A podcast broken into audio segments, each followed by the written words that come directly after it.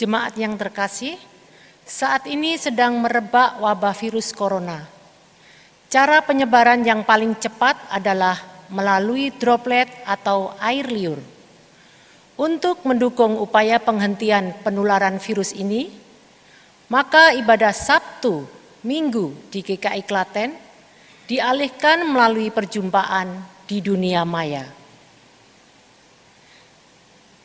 Saat ini kami mengajak jemaat dan simpatisan GKI Klaten untuk ikut terlibat aktif dalam ibadah di dunia maya ini. Untuk itu, selama program ibadah ini berlangsung, jemaat dan simpatisan diminta bersikap sebagaimana sedang mengikuti ibadah di gereja. Jemaat dan simpatisan diharapkan bersikap sebagai berikut. Yang pertama, berkonsentrasi dan mengikuti ibadah ini sampai selesai. Dua, saat dilantunkan pujian, jemaat dan simpatisan juga ikut menyanyi. Demikian juga saat berdoa dan pembacaan firman Tuhan. Tiga, untuk persembahan, jemaat dan simpatisan dapat mentransfer pada rekening yang tertera pada prosesi persembahan. Mari kita siapkan hati dan pikiran kita untuk mengikuti peribadatan ini dengan bersaat teduh sejenak.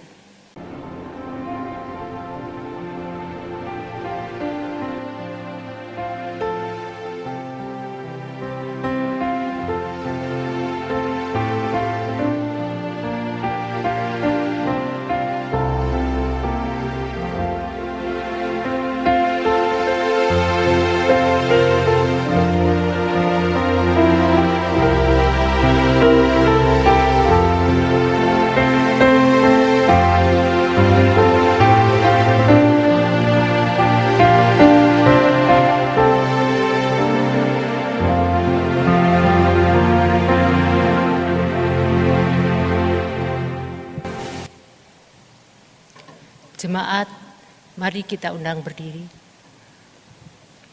Ya Allah, sumber hidup dan cinta kasih, kami, datang menyambut panggilan-Mu. Ya Kristus, Sang Pendamai dan Penuntun, arahkan langkah kami mengikut jalan salib-Mu. Agar kepadamu kami senantiasa berpaut. Agar kepadamu kami senantiasa berpengharapan. Kita menyanyikan NKB 34 ayat 1 dan 3.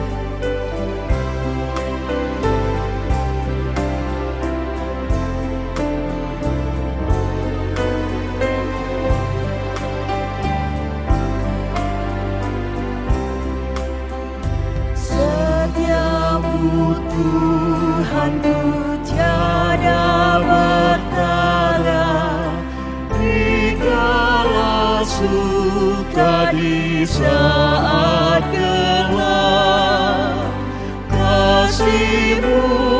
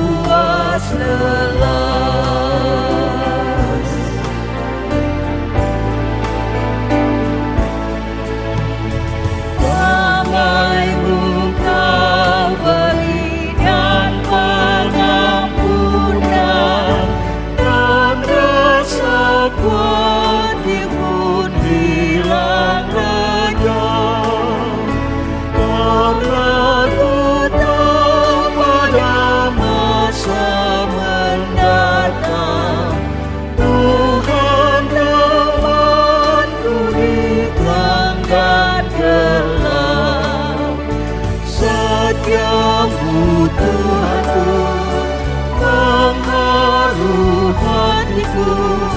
Setiap pagi bertambah jalan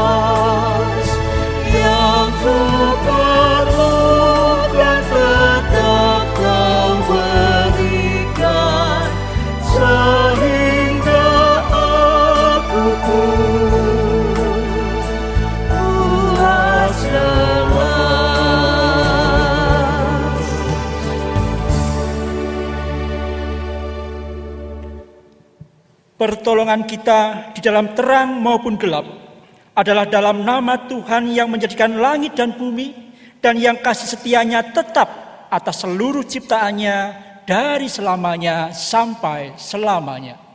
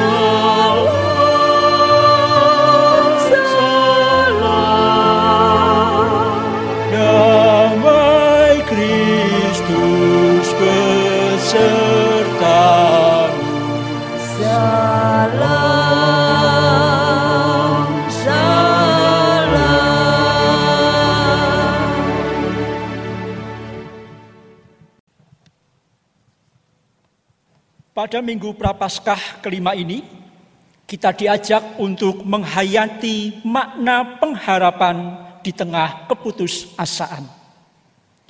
Melalui sabdanya yang akan kita jelang, kiranya kita semakin percaya bahwa Allah senantiasa menghadirkan pengharapan atas situasi dan kondisi di hari-hari yang tidak mudah.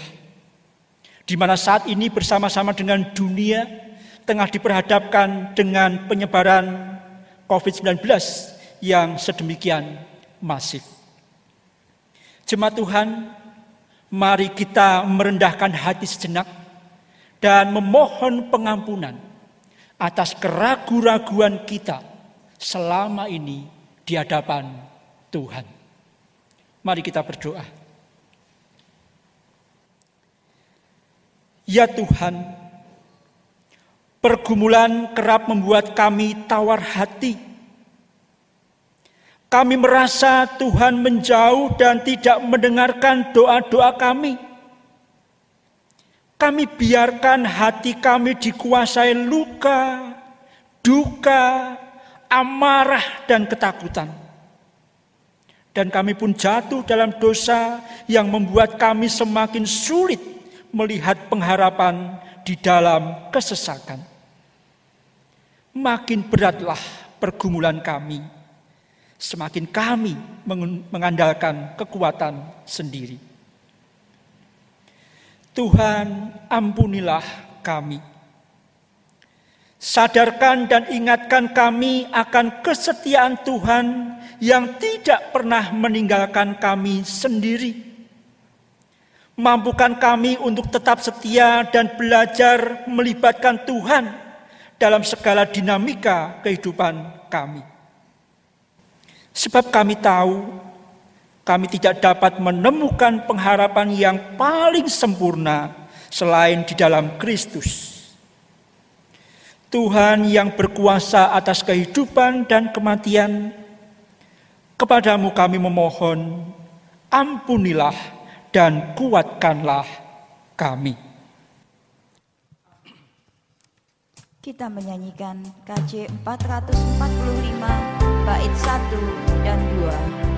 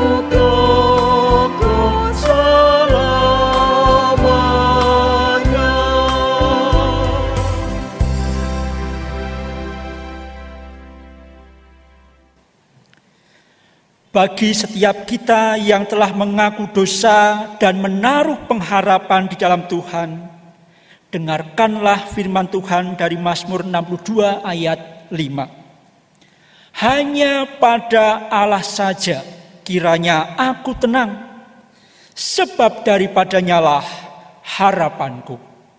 Dalam Tuhan sajalah engkau telah diampuni dan beroleh pengharapan. Di dalam Tuhan engkau pun telah diampuni dan boleh pengharapan. Damai Kristus besertamu. Damai Kristus bagi kita semua. KJ 400 bait 1 dan 2 kita nyanyikan.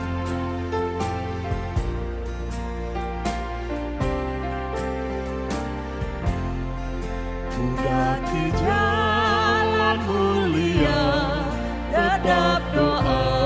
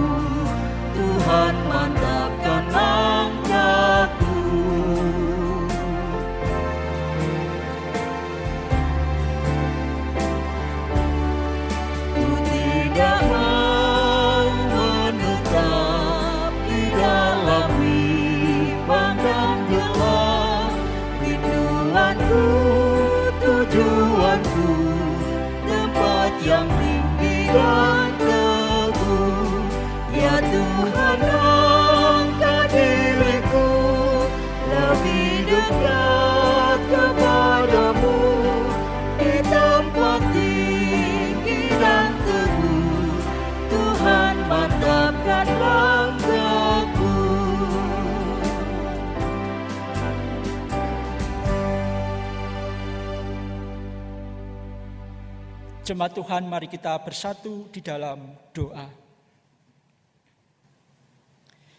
Ya Tuhan, di dalam langkah kami menapaki jalan yang mulia. Kadang dan sering kami diperhadapkan dengan situasi yang tidak mudah. Namun demikian sesuai dengan kidung yang kami nyanyikan dengan sepenuh hati saat ini, kami tidak mau menetap di dalam bimbang dan gelap. Kalau kami mengandalkan kekuatan diri, maka itu mustahil. Yang dapat kami lakukan adalah memohon belas kasih Tuhan, supaya setiap kami diberikan kekuatan oleh Tuhan, untuk kami boleh bangkit dari keterpurukan yang ada, untuk kami boleh bangkit dari keputusasaan yang ada, dan kami pun boleh bangkit untuk menghadapi segala situasi dan kondisi ini di dalam Tuhan. Ya Allah, di dalam segala keterbatasan kami, pada saat ini kami menantikan sabda firman-Mu. Kiranya melalui sabda firman-Mu itulah, maka hati kami menjadi tenang dan hilanglah segala kekhawatiran kami. Roh Kudus-Mu menyertai setiap kami yang ada di rumah mereka masing-masing. Supaya setiap kami yang mendengarkan sabda Tuhan hari ini dikuatkan dan dihiburkan di dalam nama Tuhan Yesus Kristus. Bersama dengan jemaat-Mu, kami hendak menyambut sabda Tuhan dengan sukacita dan syukur di dalam nama Tuhan Yesus Kristus. Amin. Kita sambut sabda Tuhan dengan menyanyikan PKJ 198 bait pertama.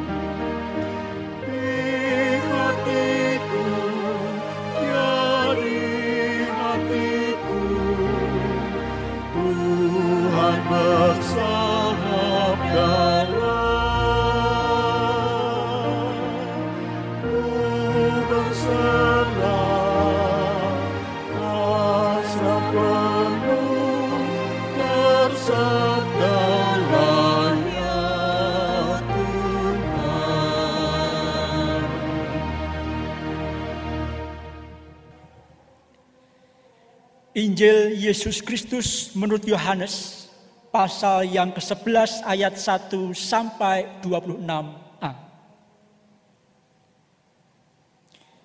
Yohanes pasal 11 ayat 1 sampai 26a.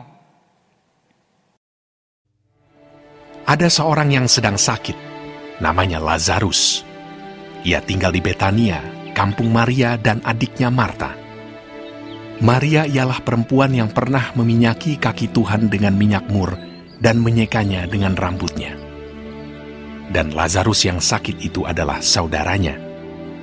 Kedua perempuan itu mengirim kabar kepada Yesus. Tuhan, dia yang kau kasihi sakit. Ketika Yesus mendengar kabar itu, ia berkata, Penyakit itu tidak akan membawa kematian, tetapi akan menyatakan kemuliaan Allah Sebab oleh penyakit itu, anak Allah akan dimuliakan. Yesus memang mengasihi Marta dan kakaknya dan Lazarus. Namun setelah didengarnya bahwa Lazarus sakit, ia sengaja tinggal dua hari lagi di tempat di mana ia berada. Tetapi sesudah itu ia berkata kepada murid-muridnya, Mari kita kembali lagi ke Yudea. Murid-murid itu berkata kepadanya, Rabi, Baru-baru ini orang-orang Yahudi mencoba melempari engkau. Masih maukah engkau kembali ke sana? Jawab Yesus, Bukankah ada 12 jam dalam satu hari? Siapa yang berjalan pada siang hari, kakinya tidak terantuk, karena ia melihat terang dunia ini. Tetapi jikalau seorang berjalan pada malam hari, kakinya terantuk, karena terang tidak ada di dalam dirinya. Demikianlah perkataannya, dan sesudah itu ia berkata kepada mereka, Lazarus saudara kita telah tertidur, tetapi aku pergi ke sana untuk membangunkan dia dari tidurnya. Maka kata murid-murid itu kepadanya, Tuhan, jikalau ia tertidur, ia akan sembuh. Tetapi maksud Yesus ialah tertidur dalam arti mati. Sedangkan sangka mereka Yesus berkata tentang tertidur dalam arti biasa karena itu, Yesus berkata dengan terus terang, Lazarus sudah mati. Tetapi syukurlah, aku tidak hadir pada waktu itu. Sebab demikian lebih baik bagimu, supaya kamu dapat belajar percaya. Marilah kita pergi sekarang kepadanya. Lalu Thomas yang disebut Didimus berkata kepada teman-temannya, yaitu murid-murid yang lain, Marilah kita pergi juga untuk mati bersama-sama dengan dia. Maka ketika Yesus tiba, didapatinya Lazarus telah empat hari berbaring di dalam kubur. Betania terletak dekat Yerusalem, kira-kira dua mil jauhnya. Di situ banyak orang Yahudi telah datang kepada Marta dan Maria untuk menghibur mereka berhubung dengan kematian saudaranya. Ketika Marta mendengar bahwa Yesus datang, ia pergi mendapatkannya, tetapi Maria tinggal di rumah. Maka kata Marta kepada Yesus, Tuhan, sekiranya engkau ada di sini, saudaraku pasti tidak mati. Tapi sekarang pun aku tahu bahwa Allah akan memberikan kepadamu segala sesuatu yang engkau minta kepadanya. Kata Yesus kepada Marta, Saudaramu akan bangkit. kata Marta kepadanya, Aku tahu bahwa ia akan bangkit pada waktu orang-orang bangkit pada akhir zaman. jawab Yesus, Akulah kebangkitan dan hidup. Barang siapa percaya kepadaku, ia akan hidup walaupun ia sudah mati. Dan setiap orang yang hidup dan yang percaya kepadaku tidak akan mati selama-lamanya. Demikianlah Injil Yesus Kristus. Berbahagialah mereka yang mendengarkan firman Allah dan yang memeliharanya. Hosiana. Hosiana, Hosiana, Hosiana.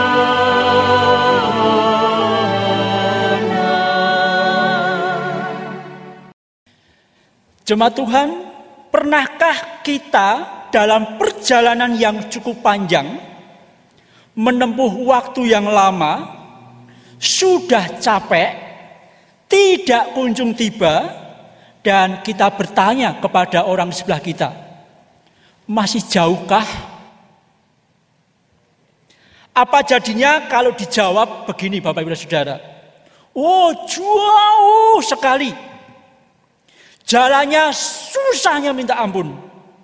Berkelok-kelok, menanjak, terjal dan tajam. Saya jamin pasti orang itu putus asa dan kemudian memilih berhenti saja. Sebaliknya apa dampaknya kalau kemudian orang yang di sampingnya itu menjawab, "Oh, tenang. Sebentar lagi nyampe kok.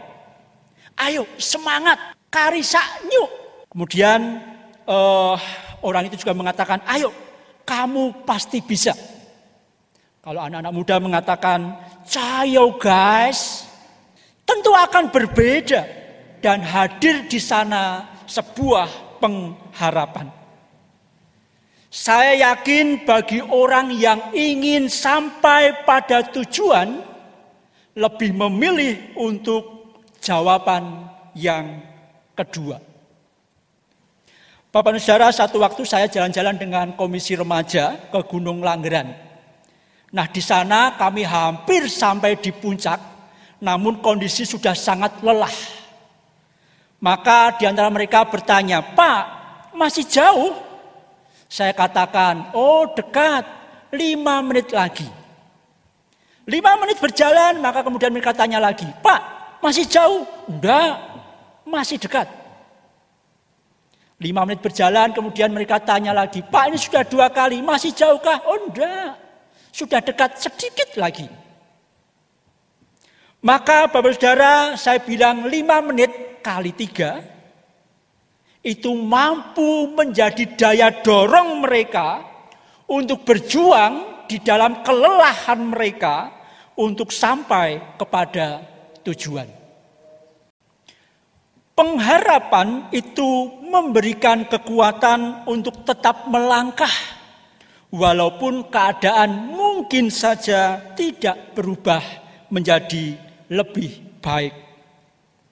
Lagu tema Paskah kita adalah mendaki jalan mulia. Kata mendaki itu menjadi gambaran akan sebuah perjalanan hidup yang tidak mudah.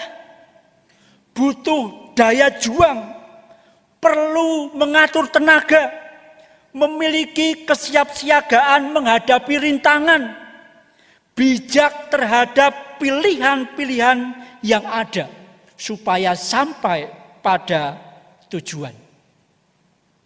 Bapak Ibu dan Saudara, jujur hari-hari ini adalah hari yang sulit untuk semuanya.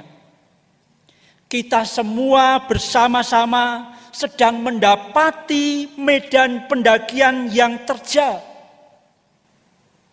Dan saya yakin jujur banyak orang yang putus asa. Minggu Prapaskah yang kelima ini menjadi sebuah perenungan bagi kita.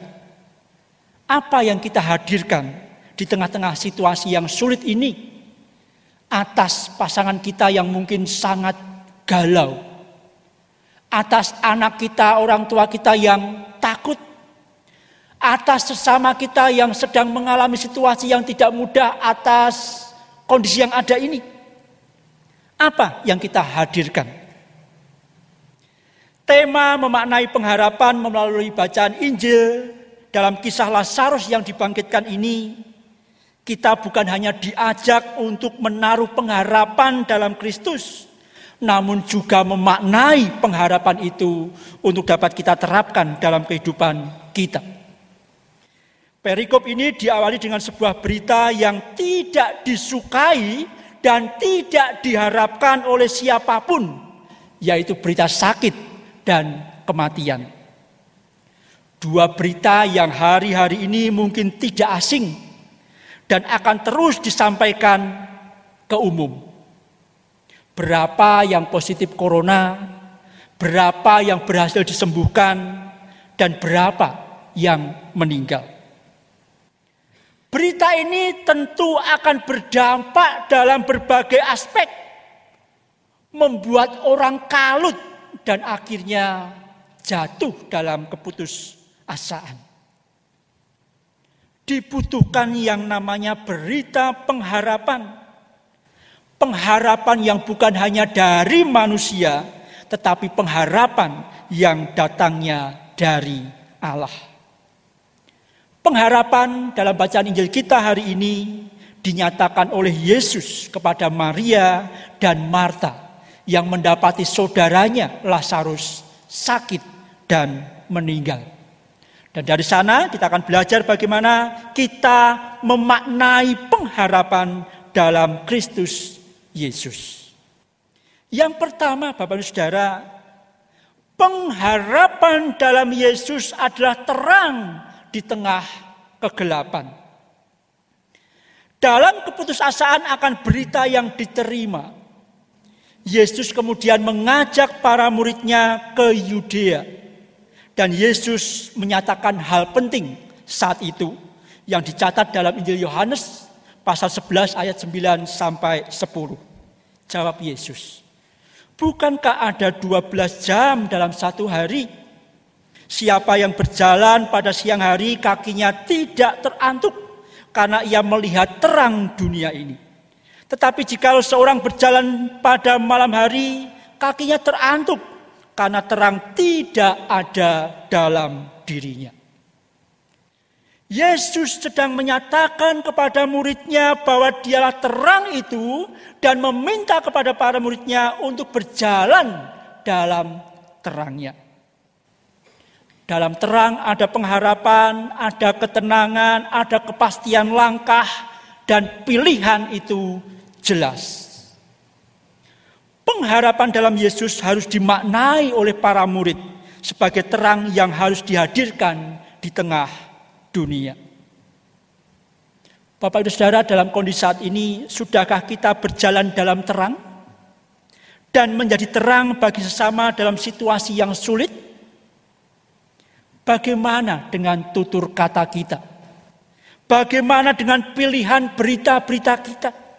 Bagaimana komen kita, posting kita, kopas kita yang selama ini media sosial menjadi media utama dalam komunikasi.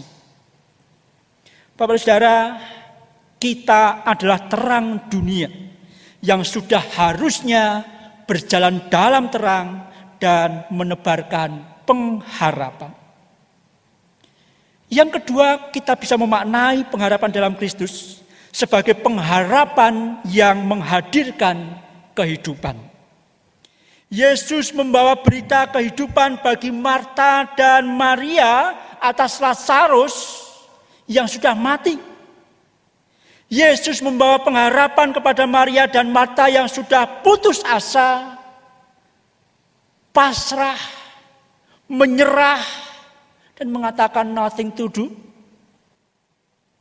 Tapi dalam kondisi yang pasrah, berserah, sadar akan keterbatasan mereka, kuasa Allah dinyatakan. Lazarus dibangkitkan dan hidup. Pengharapan dalam Yesus juga harus dimaknai oleh para murid untuk menghadirkan kehidupan dunia yang saat ini sedang sekarat. Bapak Ibu Saudara, kalau ada sesama kita yang begitu takut akan kondisi saat ini, apa yang kita hadirkan? Mari berhikmat. Jangan hadirkan berita tentang kematian terus, tapi tentang kesembuhan dan kehidupan supaya hadir pengharapan melalui kita yang bersumber dari Yesus Kristus. Yang ketiga, bagaimana kita memaknai pengharapan dalam Kristus. Pengharapan dalam Kristus akan menumbuhkan keberanian dan kebijaksanaan dalam menghadapi setiap tantangan dan kehidupan kita melihat dalam Injil ini apa yang terjadi pada murid Yesus ketika mereka ayo ke Yudea. Ayat 16, salah satu muridnya yaitu Thomas yang disebut Didimus berkata, Yo, mari kita pergi juga untuk mati bersama-sama dengan dia. Bisa rasakan apa yang ada dalam benak Thomas saat itu. Ketakutan. Tapi ya juga ada keberanian untuk ya sudahlah ikut ajakan Yesus. Tapi kalau kita melihat keseluruhan yang ada Bapak Ibu Saudara, Yesus hendak mengajar para murid untuk taat kepadanya sehingga tumbuh keberanian dan kebijaksanaan untuk menghadapi tantangan yang ada. Berani menghadapi tantangan atas orang-orang Yahudi yang sempat mengancam mereka bijaksana karena ada tugas mulia yang harus diiring bersama dengan Yesus menghadirkan pengharapan bagi Maria dan Marta. Bapak Saudara, di dalam memaknai pengharapan hari ini, saya mengajak jangan paranoid, namun tetap waspada bersama. Himbauan pemerintah, dan ini penting, berpotret dari negara-negara yang lain, stay at home. Sepertinya mudah di awal, tetapi ini menjadi perkara yang tidak mudah kalau itu jangka waktu yang panjang. Bukan pilihan satu-satunya yang terbaik mungkin dalam pemikiran kita. Namun hari ini ketika kita menghadirkan pengharapan, kita diajak untuk berani menghadapi tantangan ini. Tidak begitu paranoid takut, namun juga tetap waspada, tetap tinggal di rumah, memilih keputusan yang terbaik. Kalaupun harus keluar, ya jaga kesehatan, memakai standar yang benar, memakai masker. Hari ini pakai masker ternyata tidak hanya keluar, tapi ketika juga di rumah. Mengapa? Jaga pola makan. Bapak Ibu Saudara, pengharapan adalah terang. Pengharapan itu akan menghadirkan kehidupan. Dan pengharapan di dalam Yesus Kristus akan menumbuhkan keberanian dan kebijaksanaan. Pengharapan yang kita maknai dan taburkan akan menghadirkan ketenangan jiwa di tengah tubuh yang semakin rentak dan mudah putus asa. Bapak dan Saudara, Haratio Spafford lahir pada tanggal 20 Oktober 1828 di New York. Dia seorang pengusaha yang sukses, mempunyai seorang istri namanya Anna, lima orang anak, satu laki-laki dan empat perempuan. Ini menjadi keluarga di Chicago saat itu, keluarga yang terhormat, keluarga yang sukses, apalagi pada saat itu mereka mendapatkan keberuntungan yang besar dari usaha real estate. Di tengah kesibukannya, beliau juga menjadi aktivis di sebuah gereja presbiterian. Namun kehidupan tidak selamanya bahagia. Tragedi pertama pada tanggal eh, pada tahun 1870 ketika putra satu-satunya baru usia empat tahun meninggal dunia karena demam berdarah. Ketika belum sepenuhnya pulih dari kesedihan itu, tragedi melanda kembali. Di mana usahanya terbakar hangus total dan dia bangkrut. Namun orang ini tidak berdiam diri, jatuh dalam depresi. Dia kembali berusaha sambil membantu sesamanya yang kehilangan tempat tinggal. Dalam keadaan yang membaik, Haratio berencana mengajak keluarganya ke Eropa untuk menangkan diri. Tahun 1873, seorang sahabatnya penginjil, penginjil besar Amerika mengundang dia ke Inggris dan kemudian Haratio mengajak istri dan anak-anaknya. Nah, ketika mereka hendak berangkat memakai kapal Phil de Havre dari pelabuhan New York ke Inggris melalui Samudra Atlantik, Tiba-tiba dia dicari oleh temannya dan kemudian mengambil keputusan istri dan anaknya berangkat duluan. Saya akan segera menyusul ketika bisnis ini selesai.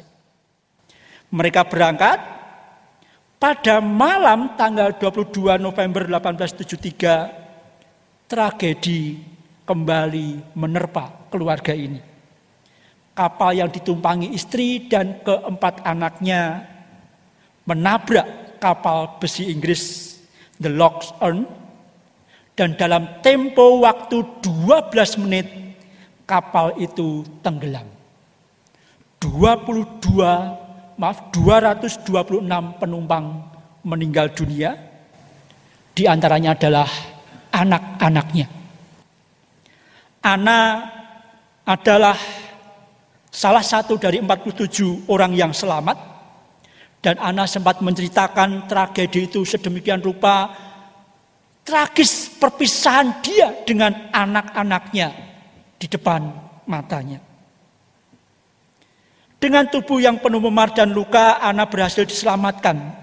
Namun semua rasa sakit yang diceritanya tidak sebanding dengan kepedihan hati akibat kehilangan keempat putrinya.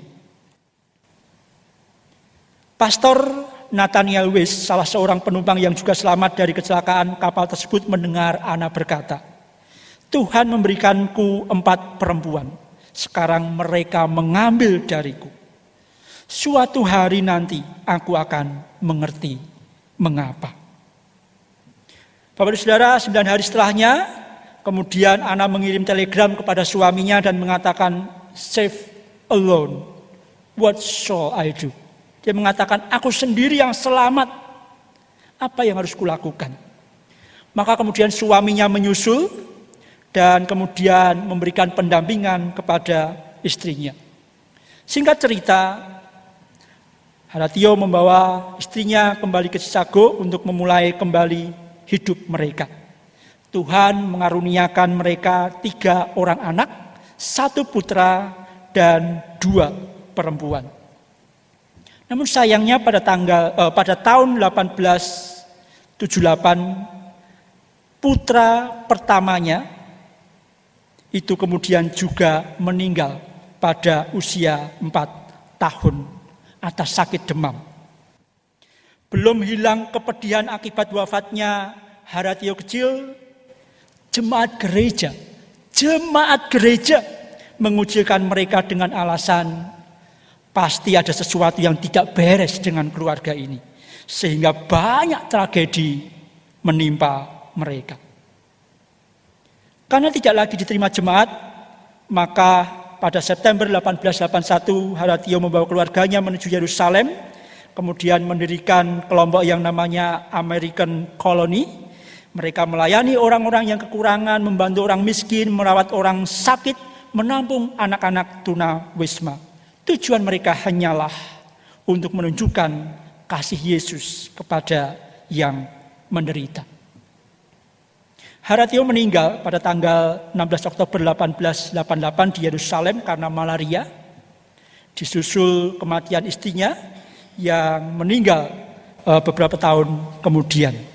Nah, anaknya menemukan secari kertas yang merupakan pemaknaan diri Haratio atas apa yang dialaminya. Kemudian dituliskan dalam sebuah buku yang berjudul Our Jerusalem. Dan dari sanalah kemudian diperkenalkan syair lagu yang memberkati banyak orang. Yang mana mereka mengalami situasi yang mungkin sama. Keputusasaan, penderitaan yang terus-menerus terjadi dan kadang sulit untuk mengerti. Bapak Saudara, ayat 25-26 dikatakan di sana bahwa Tuhan itu adalah sumber keselamatan. Maka dalam tubuh jasmani yang rentah ini, pengharapan kita ada dalam kekekalan. Sehingga apa pun yang menimpa kita, jangan khawatir. Jiwa kita sudah diselamatkan. Mungkin lagu ini Bapak Ibu kenal. Dan itulah yang kemudian ditulis, disebarkan oleh anaknya dan membawa kekuatan, kedamaian, dan pengharapan.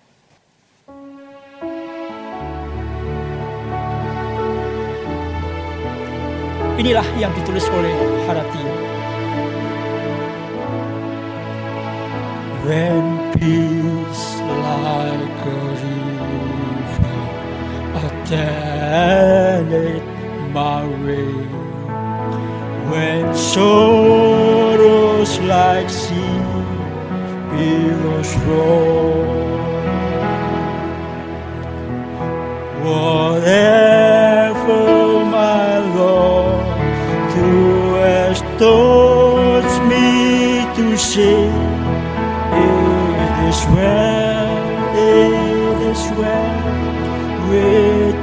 my soul.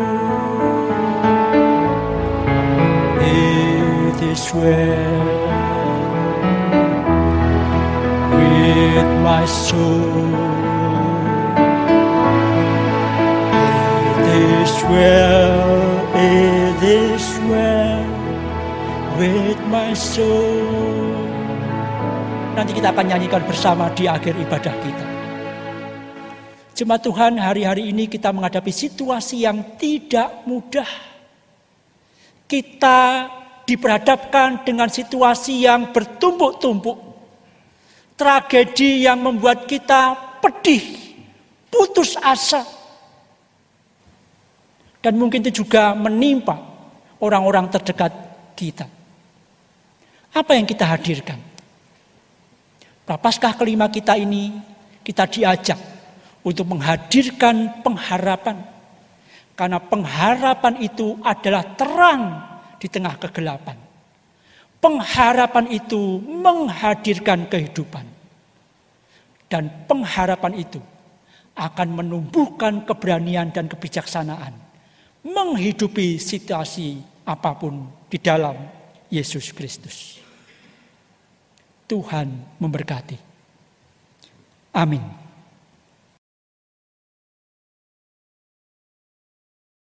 Jemaat Tuhan, untuk persembahan Majelis Jemaat GKI Klaten memberikan beberapa alternatif, yaitu yang pertama, transfer ke rekening BCA Klaten nomor 0 3 0 6 5 9 9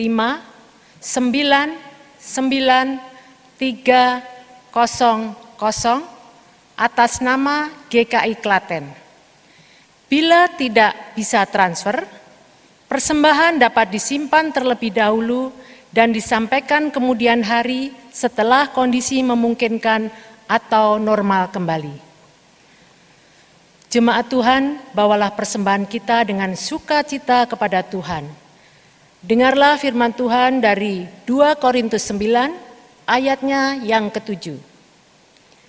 Hendaklah masing-masing memberikan menurut kerelaan hatinya, jangan dengan sedih atau karena paksaan, sebab Allah mengasihi orang yang memberi dengan sukacita. Marilah kita berdiri, menyiapkan persembahan yang terbaik, dan kita bawa dalam doa syukur kita. Bapa di surga, kami mengucap syukur pada hari ini karena kami telah mendengarkan firman Tuhan. Biarlah firman Tuhan ini akan tertanam di hati kami masing-masing, sehingga kami boleh menjadi pelaku firman di dalam kehidupan kami dari hari lepas hari. Kami juga mengucap syukur atas berkat yang telah Tuhan berikan kepada kami, dan kami telah mempersembahkannya Biarlah persembahan ini dapat dipergunakan untuk pelayanan Tuhan di GKI Klaten dan di mana pun pelayanan kami ditempatkan. Ampuni kami Bapa, apabila dalam mempersembahkan terselip kesalahan kami dan berkati tangan-tangan yang mengelola persembahan ini agar layak di hadapan Tuhan. Di dalam nama Tuhan Yesus kami berdoa dan berucap syukur. Amin.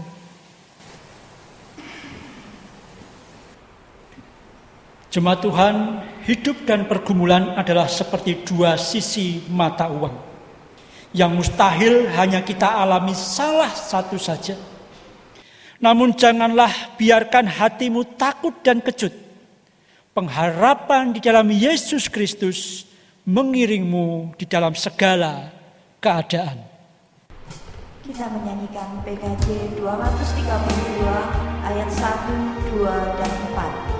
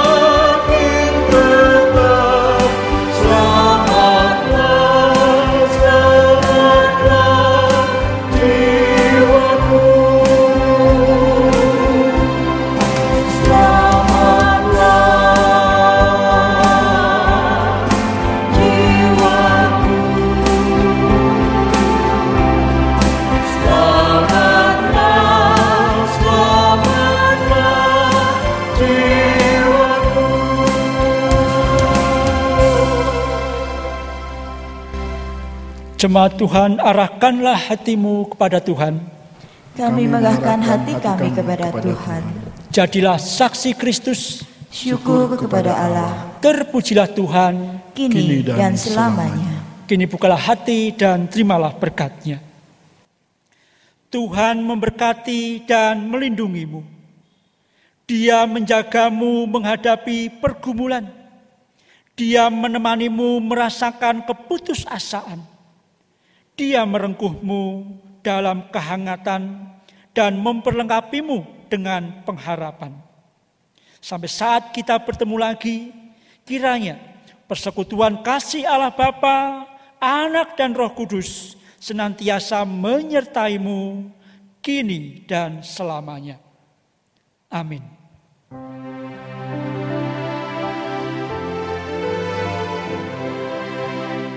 Oh. see us.